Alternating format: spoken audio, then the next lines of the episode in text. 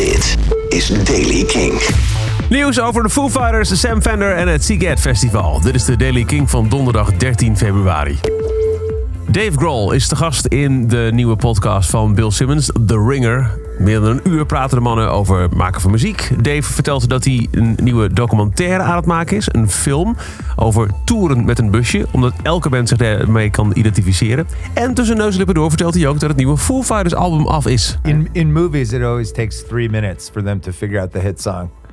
Really? Well, somebody has the riff, and then some other guy, and then all Oh, of a sudden, oh, they're- yeah. all of a sudden they're playing they're playing the finished product. But you know, it's. I mean, there's sometimes that's how we just finished making a record, Yeah, and um, and s- some of those songs, sometimes the best ones happen in 45 minutes. yeah, Like I have an idea, and it starts with a drum beat, and then I do a weird percussion thing, put down like a scratch guitar, really quickly. Okay, um, let me go write some lyrics really quick. I sit down, I go, blah, blah, blah, and then fucking, and within 45 minutes, it's like, oh my god, that's maybe one of the best things we've ever written in our Wow. fucking lives.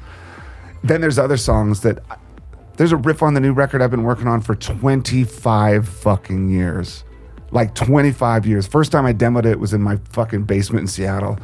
And every record I'm like, oh, let's put it on. And I'm like, "Nah, it didn't work. Let's put it on. Didn't work." So that one, so sometimes it's 45 minutes, sometimes it's 25 fucking years. Sam Fender komt vandaag met een nieuwe track. I'm back with a little surprise for you all, twitterde hij gisteravond. New track Hold Out Tomorrow. eh, met een, een korte film erbij van Jack Whitefield daarbij. En alvast het eerste stukje van die nieuwe track.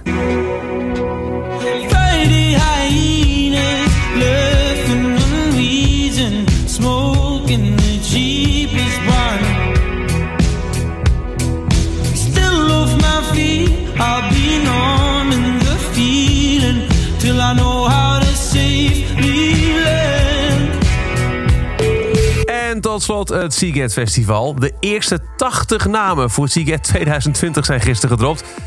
Daaronder, onder meer... Calvin Harris, Dua Lipa, Kings of Leon, Major Lazer, The Strokes, Louis Capaldi, Falls, Foster the People, FK Twigs, Caribou, Kate Renada, Of Monsters and Men, Keen, Daughter, Loyal Corner, Slow Tie, Miles Kane...